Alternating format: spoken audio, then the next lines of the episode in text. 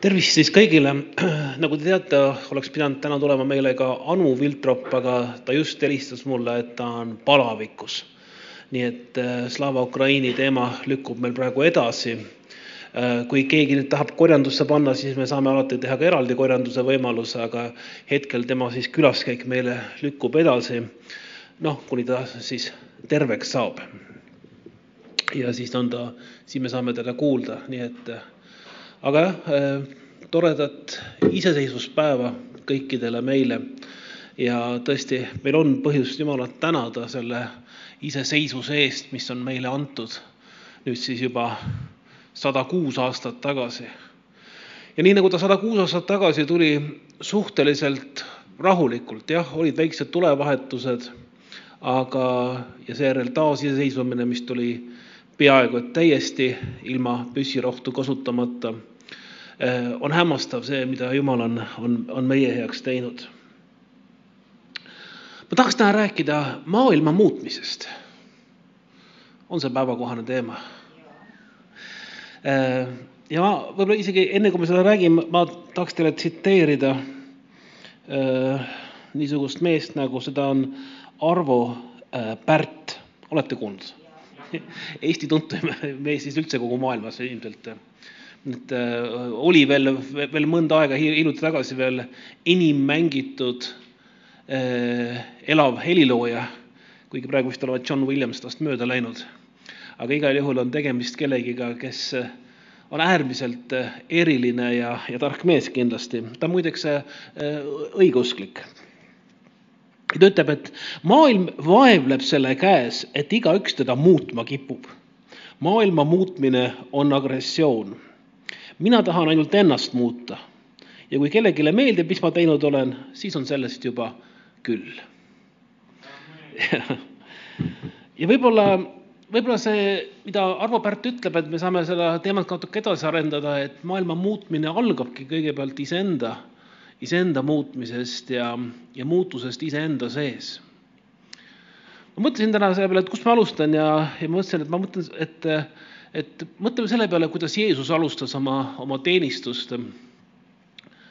ja meil on siiamaani, me ei tea täpselt, mis hetkel Jeesus mõistis oma kutsumist ja teenistust.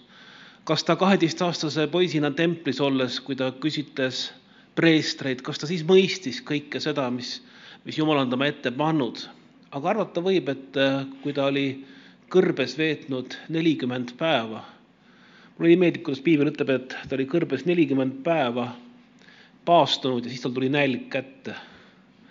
et kuidas meil on, me oleme vist, et meil on nelikümmend minutit paastumist ja nälg on, nälg on käes juba, eks ole. aga et nelikümmend päeva ja, ja siis tal tuli nälg kätte. ja, ja ta teeb läbi oma, oma katsumused, ta teeb läbi need testid, mis kurat tema ette veeretab ja ja võib-olla ka see, võib-olla ka need testid on Jumala lubatud teadmisel tal lastud läbi teha. igal juhul, kui ta pärast seda tuleb, siis ta alustab oma teenistust. ja kui me mõtleme selle peale, et, et kas Jeesus muutis kogu maailma, on vastus sellele jah ja ei. olles inimesena, oli ta ikkagi ju piiratud ühe Rooma provintsiga, Juudamaaga ja noh, ta sai seda maad ainult nii palju mõjutada, kui ta seal ringi käis ja nii palju, kui ta suhtles. samas me teame et seda, et, et see vähene, kui nii võib öelda üldse vähene, see vähest maailma puudutav töö, mida ta tegi, selle tulemusena on täna maailmas ju miljardeid inimesi, kes teda järgivad ja kristlusest on saanud maailma suurim usund üldse muidugi me ei saa nüüd neid võrrelda, kes kui palju usub ja kes kui veendunud selles usus on, aga sellest on kindlasti jah, vähemalt statistika järgi on tegemist maailma suurima, suurima usundiga täna. ja kui me mõtleme üldse vaba iseseisvuspäeva puhul maailma muutmisest, siis kindlasti maailma muutmine algab sellest, et me suudame iseennast maha panna.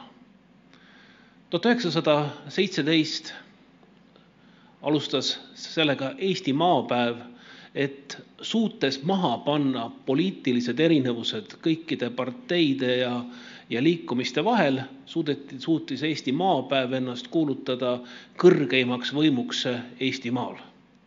ja isegi, kui ta kohe laiali aeti punaste poolt, siis, siis selle, just selle eripäraks on see, et suudetakse maha panna just oma erakondlikud erinevused vahel, kui me vaatame mingisuguseid maale sellest, kuidas iseseisvus välja kuulutatakse, te olete ikka näinud seda pilti, kus seal Eesti Panga saalis kolm meest, Päts, Vilms ja Koonik, kuulutavad välja ja päike paistab läbi akende sisse ja see on kindlasti hästi romantiline pilt. aga tegelikult on selle taga ikkagi ju see, et, et väga erinevad poliitilised arusaamad suutsid selle kõik maha panna ja ühendada oma jõud Eesti Maapäeva kuulusid äh, tänapäeva mõistes vasakpoolsed ja parempoolsed poliitikud ja paljud, keda me oleme pidanud, harjunud pidama suureks Eesti patrioodiks, nad seda muidugi olidki, aga meie mõistes olid nad äärmiselt vasakpoolse maailmavaatega. Ja nad suudavad selle maha panna ja seda meie saatust muuta ilma selleta arvatavasti ei oleks õnnestunud ka see, mida tehti kahekümne neljandal veebruaril tuhat üheksasada kaheksateist, õigemini juba kahekümne kolmanda õhtul, eks ole, kui Pärnu Endla teatri rõdult loeti ette iseseisvusmanifest. ja see oligi selles mõttes niisugune hämmastav hetk, et tegelikult ju kas kellelgi on õrna aimu, kuidas üldse riik, riiki alustada, kui sul pole mitte midagi?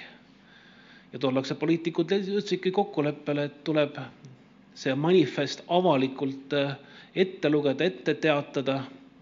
alguses üritati seda teha Haapsalus, seega ei õnnestunud ja seejärel siis tehti seda Pärnus kahekümne kolmanda õhtul ja Tallinnas kahekümne neljanda hommikul, tõepoolest sealsamas Eesti Panga saalis.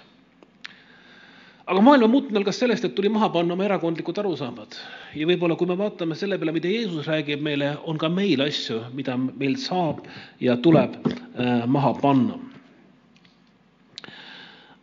ma alustaks kõigepealt Apostlite tegude raamatust äh, esimesest peatükist ja salmist, äh, no hakkame lugema siit juba ähm, salmist neli. Ja kui Jeesus nendega koos oli, keelas ta neid Jeruusalemmast ära minemast, käskis aga oodata isa tõotust, mis teie, ütles ta, olete kuulnud minult, sest Johannes ristis veega aga teid peab ristitama püha vaimuga mitte kaua pärast neid päevi. Jeesus tõotab seda, et, et see püha vaimuga ristimine on, on ka teatud sisemine muutumine. Ja võib-olla me oleme sellest ka oma kirikus natuke vähe rääkinud, et mida tähendab püha vaimuga ristimine, et, et see ei ole lihtsalt see veega ristimine, mida, mis, mis on üks osa kristlikust äh, lepingust Jumalaga. me oleme, me loeme päästepalve ja see on otse kui, kui võrrelda seda abieluga kihlus. me saame veega ristitud, see on otse kui laulatus. aga pühavaimuga ristimine on äärmine lähedus ja eriline kogemus Jumalaga. ja noh, tavaliselt on selle märgiks võõrastest keeltest kõnelemine, aga see, sellega võivad olla väga suured tunded ja võivad olla mitte väga suured tunded. kindlasti aga ei ole see lihtsalt üks mingisugune transs või, või, või lihtsalt religioosne elamus, nagu vahel öeldakse. muidugi, kui me kasutame niisugust kristlikku sõnavara, siis võib-olla see on, see, meil tuleb ka kokku leppida, mida me selle all siis ikkagi mõtleme. kui me läheks ja vestleks oma vendade katoliiklastega täna, siis nemad ei teaks, mis asi on pühavaimuga ristimine, aga nad teaksid, mis asi on karismaatiline kogemus. Nad nimetavad seda noh, teist sama asja teistmoodi võib-olla natukene aga Jeesus ütleb, et püha vaim tuleb teie peale. ja siis on salm kuus, siis küsisid temalt need, kes olid kokku tulnud ning ütlesid, issand, kas sa sel ajal jälle ehitad Iisraelile kuningriigi? Ja jüngrid ikkagi mõtlesid selle poliitilise riigi peale ja poliitiline riik on kindlasti ju väga oluline. ka jumala, jumal on ka tõotanud ka juutidele seda, et, et nende riik taastatakse, mida need juudid sel ajal küll veel ei tea, et selleks kulub peaaegu kaks tuhat aastat, et seda või noh, kulubki umbes kaks tuhat aastat selle riigi äh, loomiseks. nii et tuhat üheksasada nelikümmend kaheksa, eks ole, on mul äh, jah, kuulutatakse välja taas Iisraeli riik ja päev-kaks hiljem juba algab sõda, esimene sõda araablastega nendel. ja jah, ja võib-olla juudid tõesti ootasid sel hetkel oma riiki, nad uskusid, et Messias on keegi, kes tuleb ja ta on nagu vabadusvõitleja, ta tuleb ja ta kukutab, purustab roomlased ja seda oodates nad alustavad ju aastal kuuskümmend üheksa juba peale Kristust oma suurt juudi ülestõusu, seitsekümmend, see kestab, viimased surutakse, kui ma peast mäletan õieti, kas seitsekümmend kaks või seitsekümmend neli suru-, noh, saadakindlus, millal ta kaudu vastu pidas seal, paar aastat pidas vastu veel, enne kui see lõplikult maha suruti, see ülestõus ja pärast seda juudid hajutati kogu maailmasse laiali, neid, need saadeti sealt minema. aga Jeesus ei mõelnudki seda üldse, üldse seda füüsilist poliitilist riiki, vaid ta rääkis millegist palju-palju enamast. ja mulle tundub, et just, et selle maailma muutmine algabki just sellest palju-palju enamast, et et see on suurepärane, et kui meie esiisad noh, kui nii võib öelda, meie need poliitikud, kes tuhat üheksasada seitseteist ja kaheksateist suutsid kokkuleppele jõuda ja meie riigi välja kuulutada, aga Jeesus räägib millegist veel palju enamast, ta ütleb, et maailma muutmine poliitiliselt on no me ei saa öelda, et see on, oleks ebaoluline tänu Jumalale meie riigi eest. ja võib-olla tõesti meil, meil on põhjust sellest tänu, tänulik olla Jumalale. aga ma usun seda, et, et Jumal on kutsunud meid olema oma Jumala kuningriigi kuulutajad ja sellega, ja selle kaudu tõesti maailma muutjad. ja see maailma muutus algab sellest, et me muudame iseennast kõigepealt. me saame, võtame vastu selle, mida Jumala meile annab. sest see on midagi, mida me ise teha ei suuda ja ma olen selles mõttes Arvo Pärdiga täiesti nõus, et kui me lihtsalt sunniviisiliselt läheme seda maailma muutma, me teeme sellega ainult haiget. ajalootundides me oleme vahel lastega mõelnud, et aga mis, mis, mis saaks, kui, kui Hitler oleks pääsenud Viini kunstiakadeemiasse või mis oleks saanud maailmast, kui Stalin oleks lõpetanud oma preestri äh, seminari, kus ta õppis siis, temast pidi saama äh, siis äh, Georgia kiriku äh, vaimulik või preester, aga ta sealt äh, visati, enne lõppu visati joomise, laaberdamise ja, ja, ja revolutsiooni pärast välja. kas maailm oleks parem? on raske öelda seda, sellepärast et maailma võib, võib juhtuda, et tuleb mõni veel hullem juhtki ja, ja maailm võiks ollagi veelgi hullem. me ei saa seda kunagi teada. ja me ei saa kunagi teada neid, neid, neid asju, mis võiksid olla küll aga saame me teha midagi sellega, mida me saame täna muuta. kui me vaatame Jeesuse elu ähm, ja ta ütlebki siin, et ah, me loeme selle kirja, kirja kohe lõpuni, salm kaheksa, aga te saate pühavaimu väe, kes tuleb teie peale ja peate olema minu tunnistajad Jeruusalemmas, kõiges Juuda ja Samaariamaal ja maailma otsani. kus asub maailma ots? mida? Nurga taga. ma olen käinud tegelikult maailma otsas, see on Jamali poolsaar äh, Põhja-Venemaal, nimelt äh, selles äh, kohalikes keeltes Jamal tähendaski maailma otsa või maailma lõppu. aga võib-olla Jeesus ei mõelnud päriselt seda, seda, vaid ta mõtleski just nimelt seda, et, et maailma lõpp ta on kõikjal kogu maailmas, ükskõik kuhu me välja jõuame. on võimalik täiesti seda, et, et, et isegi Jeesus inimesena ei teadnud selle maailma suurust ja tolleaegsed antiikmaailma. Teadlased olid küll, kusjuures olid isegi välja arvanud, et maakera on ümmargune ja nad olid isegi maakera ümbermõõdu enam-vähem välja arvutanud, aga kindlasti ei teatud midagi ju teistest kontinentidest, ei teatud midagi, mis asub kaugemal Rooma riigis, aga Jeesus ütleb, et ka sinnamaani saab jõudma evangeelium. Te olete minu tunnistajad Jeruusalemmas, Juuda, Samaariamaal ja maailma otsani ja lugu räägib siis sellest, kuidas ta siis tõstetakse üles nende ees ja, ja ta lahkub taevasse. selle, seal on neid tunnistajaid päris palju, kes seda, kes seda näevad. hiljem ühes kohas vist, vist mainitakse, et neid, neid oli mitusada. kui sa pöörad nüüd tagasi Johannese evangeeliumisse, siis Johannese evangeeliumi kaheksandas peatükis on üks lugu sellest, et kuidas, kuidas siis Jeesus muudab seda, seda maailma ja on hämmastav lugu on, on see, et, et selleks, et seda maailma muuta, vahel ei peagi midagi tegema, vaid piisab, kui sa ei loobi välja oma hinnanguid ja kohtumõistmisi. mulle tundub seda, et, et selle maailma muutmise juures üks kõige olulisemaid asju on see, et, et me ei loobi oma hinnanguid välja inimeste kohta, sest et me mitte kunagi ei tea, mis on kellegi sees. jumal näeb seda, mis on inimese südames, aga mida meie näeme, me näeme ainult seda välist. ja selle välise üle on väga lihtne kohut mõista. miks ta on selline? miks ta käitub niimoodi? miks ta ütleb niimoodi? miks ta, noh, miks ta on selline, eks ole? ja see kirjakoht, kui me selle konteksti räägime, räägib ju Taavetist, keda siin juba täna korra mainiti. Taavet läheb vastu Koljatile linguga, see on tema kõige, see on see relv, mida ta on õppinud kasutama. Keegi kirjutas täna Facebookis, et annaks jumal, et kõik need paraadil olevad tankid jääksid tolmu koguma või no mis iganes tehnika seal siis liikus. ma arvan, et nad ei tohi tolmu koguda, sest et, et ähm, nendega peab treenima ja neid peab, neid, neid peab tundma ja neid peab kasutama oskama. aga loodetavasti ei pea nendega kunagi tõesti kedagi tapma või tulistama. kui hüpata korraks uuesti kõrvale sellesama äh, Slava Ukraini äh, organisatsiooni juurde, kelle, kelle juht Anu oleks täna pidanud siin olema, enne kui ta haigeks jäi, siis siis äh, mulle just meeldib see, et, et, et nemad on otsustanud Ukrainat abistada sellega, mis ei tapa, vaid sellega, mis päästab elusid. nii et me oleme sinna viinud äh, äh, noh, ma siin isegi vist jagasin, kes Facebookis vaatas pilte sellest, et enamasti me oleme sinna viinud autosid, mida kasutatakse nõndanimetatud gerilla kiirabidena.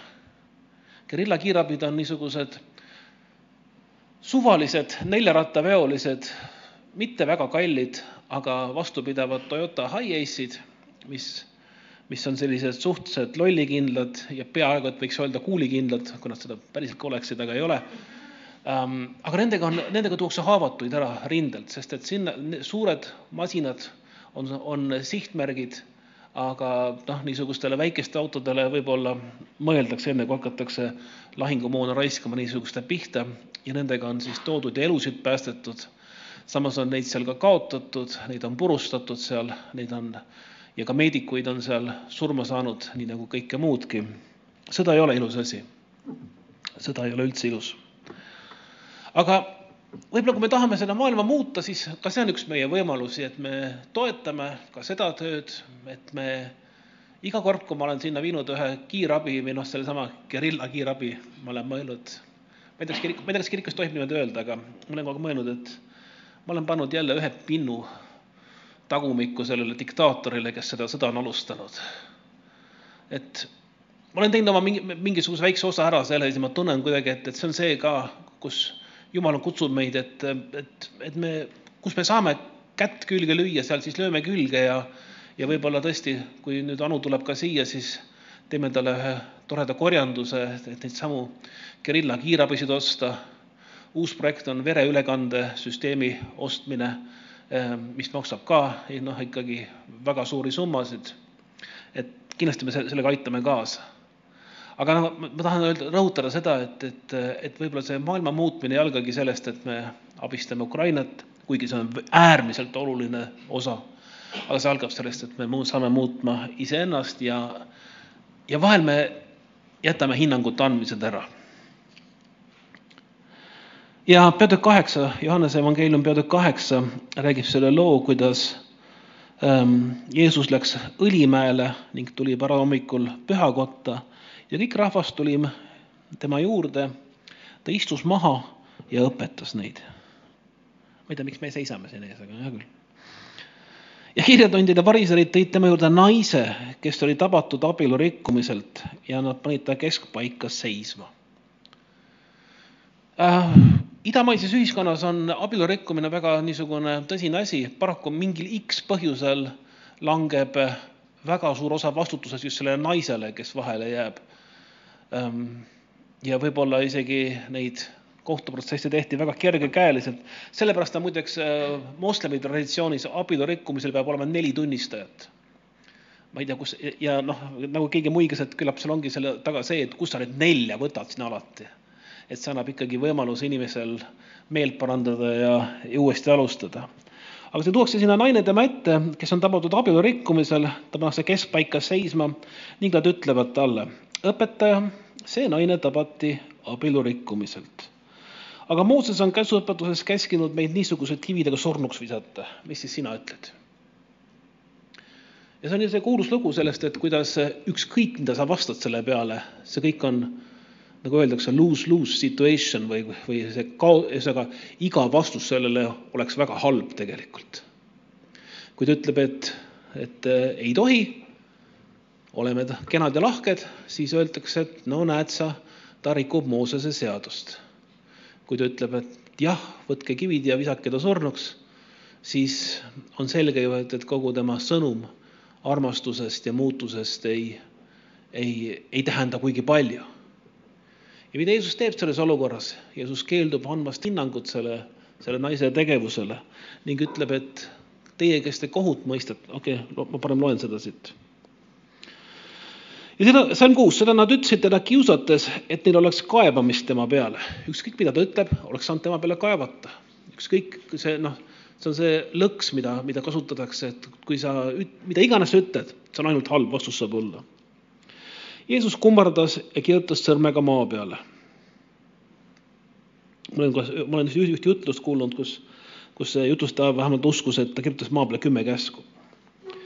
Kui nad siis küsides käisid talle peale, ajas ta enese sirgu ning ütles neile, kes teie seast on patuta, kes teie seast on täiuslik, kes teie seast on eksimatu, see olgu esimene tema peale kivi viskama. Ja väga tihti me olemegi veendunud, et me ise oleme eksimatud, et äh, kui meie teeme mingi pattu, siis on sellele väga tõsine põhjendus ja, ja vabandus ja, ja me ei saanud teisiti. aga kui keegi teine seda teeb, siis me oleme väga kindlad, et äh, me võime temale kohut mõista. ja väga tihti me näeme neid detaile, mida võib-olla keegi teine ei näegi, aga eriti hästi me näeme neid teiste juures. rääkides detailidest, kas keegi teist on pannud tähele, et siin ees need puidust lipid, seina poolt kahekümne kuues ja akna poolt kahekümne viies on ühe kruviga. Jah, ma ise kruvisin neid siin, vist Vikingiga kruvisime neid siin ja, ja ma, ja iga kord, kui ma istun siin, ma vaatan, et see üks on, lipp on ilma, on ainult ühe kruviga pandud, mitte kahega. See on see detailide märkamine, millega sa, kui sa ise tegeled asjadega. Aga hullem on see, kui me, kui me hakkame neid detaile märkama inimeste juures ja, ja neid selle, selle alusel hukka mõistma, nii nagu Jeesusel oli võimalus tegelikult ju noh, ilmselgelt, mis iganes olid seal põhjused, tegemist oli ju patu ja, ja, ja läbikukkumisega mis iganes see põhjus oli või kes oli rohkem süüdi, kes oli vähem süüdi, fakt on see, et tegemist oli abielu rikkumisega. Jeesus ei püüa seda üldse, üldse, üldse mitte eitadagi. aga ta ütleb seda, et kes teist on täiuslik ise see võtku ja visaku see kivi, see võtku ja, ja, ja viigu see kohtumõistmine täide. nii lihtne on seda kivi võtta ja, ja, ja märgata üksteise puuduseid ja miinuseid. aga just niisugune maailma muutmine ei muuda seda maailma. maailma muudab see, nagu ütleb Jeesus, et kui teist, kui te, kes on teist täiuslik, siis viigu see otsus täide ja ta kummardas jälle, salm kaheksa, ning kirjutas maa peale. ja kui nad seda kuulsid ja südametunnistus neid süüdistas, läksid nad välja üksteise järel vanemad eesotsas ja Jeesus jäi sinna üksinda ja naine, nagu ta seal seisis. ent Jeesus ajas enese sirgu ega näinud midagi muud kui naist ja ta ütles talle, naine, kus on need sinu süüdistajad, ega keegi ei ole sind hukka mõistnud. ja naine vastas, mitte keegi, issand ning Jeesus ütles, ega minagi sind hukka ei mõista, mine ja ära tee enam pattu. Jeesuse, Jeesus ei öelnud, et kõik on fine, mis sa teed, kõik on okei okay,, lase edasi. näed sa, kõik, kõik läks hästi praegu, sind ei mõistetud hukka, vaid ta ütleb, et mine ja ära tee enam seda. võta ja õpi sellest midagi. mulle meeldib seda öelda ikkagi, et tänu Jumalale, et meie Jumal on teise võimaluse Jumal ja ma ei, ma ei julge sulle lubada, et ta on ka kolmanda ja neljanda ja viienda, tavaliselt ta ongi seda. aga kindel on see, et ta annab sulle uue võimaluse. Mul on tunne seda ka, et, et jumala kutsumises on ka need niisugused nagu perioodid, et kui sa mõtled oma elu peale ja kui sa tundsid jumala kutset, siis äh, see on mingi aeg, millele sa saad sellele vastata, see on see hetk, kus Jeesus koputab sinu ukse taha. aga kas sa selle, kas sa sellele, kas sa talle vastad või mitte, see on juba sinu valik. Ja meie elus on mingid perioodid, kus Jumal meid kutsub. Ja kui me reageerime siis sellele ja vastame sellele, on meil võimalus tulla ja kogeda oma elu muutust. ja kui me ei vasta sellele, siis vot, mina ei tea ju. piibel ütleb seda, et, et mitte keegi ei saa tulla Jumala juurde, kui Jumal teda ei kutsu. ja kui Jumal sind ei kutsu, siis äh, meil ei ole võimalik sind ümber veenda hakkama hakata kristlaseks, hakata, hakata või võtta vastu Jeesus oma elusse, kui Jumal sind ei kutsu. ja Jumala kutsumisega on siis ka see, et kui ma laseksin praegu teil käe tõsta, et kui palju on neid, kes, kellest sai kristlane enne kahekümnendat elu, eluaastat, siis mulle tundub, et enamik tõstaksid siin käe mida rohkem aeg edasi läheb, seda rohkem mingisugune betoon meie peas hakkab kivistuma. ja, ja kui me ja, ja kui me mõtleme iseenda muutmise peale, siis mida vanemaks me saame, seda raskem on ennast muuta ju. meil on mingid harjumused. Kui sa ikka eluaeg oled vetsupaberi pannud äh, paber väljapoole, siis see sissepoole panek oleks nagu katastroof peaaegu sinu jaoks juba või mis iganes näited, eks ole. aga hullem veel on see, et kui me peaksime oma eluviisi muutma, kui me peaksime oma elu suhtumist muutma, kui me peaksime oma uskumusi muutma. ja selles mõttes on minul on väga suur respekt nendele, kes vanas eas tulevad ja pöörduvad Jumala poole ja on suutelised seda tegema. Vahel juhtub, et seda, seda põhjustab mingisugune ränk sündmus, mingisugune traagiline sündmus või, või kaotus, eks ole, mis on see, mis seda betooni purustab aga eriti tore on ju see, kui inimesed tulevad ja suudavad selle betooni ise purustada ja muuta ümber oma mõttemaailma ja kogeda oma elus midagi uut ja värsket ja tõesti, ma ei tea, inimesed kindlasti kogevad Jumalat väga eriliselt. ma ei ole kunagi kuulnud ingleid laulmas või, või näinud taevast valgust, aga ma olen kogenud mingisugust meeletut rahu oma sees. tuhat üheksasada kaheksakümmend üheksa kolmeteistkümnendal veebruaril palusin ma Jeesuse oma südamesse. ma olin, ma olen sellest rääkinud teile, et ma olen seda ka varem teinud, aga, aga ma mäletan, et seda, seda tunnet, et midagi on mu elus nüüd ametlikult vormistatud teistmoodi. mul oli suur rahu, ma olin kogenud midagi puhast, midagi, midagi erilist. ja see ei olnud mingisugune niisugune, ma ei näinud ühtegi nägemust, ma ei kuulnud ühtegi häält. me olime äh, pastor Raimundi elutoas ainult seal vestlesime ja palvetasime koos. ja mäletan, ta küsis mu käest ka seda, et, et kust sa tead, et sa oled päästetud? ma ütlesin, ma ei tea ju. ta ütleb, et sellepärast, et jumala sõna ütleb niimoodi. et mida iganes, on inimesi, kes on tõesti tundnud meeletuid kogemusi ja, ja meeletuid no mis iganes emotsioone ja neid, kes nagu mina, kes väga, väga palju ei tunne neid.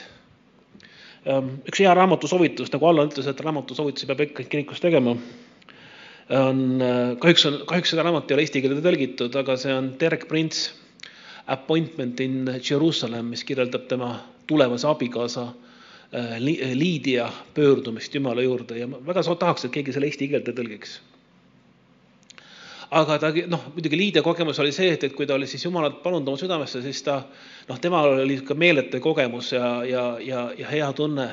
nii et äh, inimesed on väga erinevad selles asjas ja see viis teda siis selleni, et ta äh, kahekümnendatel aastatel äh, pärast esimest maailmasõda siis ähm, saab Jumalal kutse minna Jeruusalemma ja seal lastetööd, mitte laste, lastetöö pole õige sõna, seal, seal ühesõnaga lapsi aidata ja kõige kummalisem ongi see, et, et ta lähebki sinna kohale, kus ühtegi last pole silmapiiril, kedagi, no ta lihtsalt elab seal ja nagu tundub, et, et kogu tema elu ja aeg on raisatud. ta läheb lahku oma kihlatust näiteks, kes ei saa aru tema pöördumisest üldse.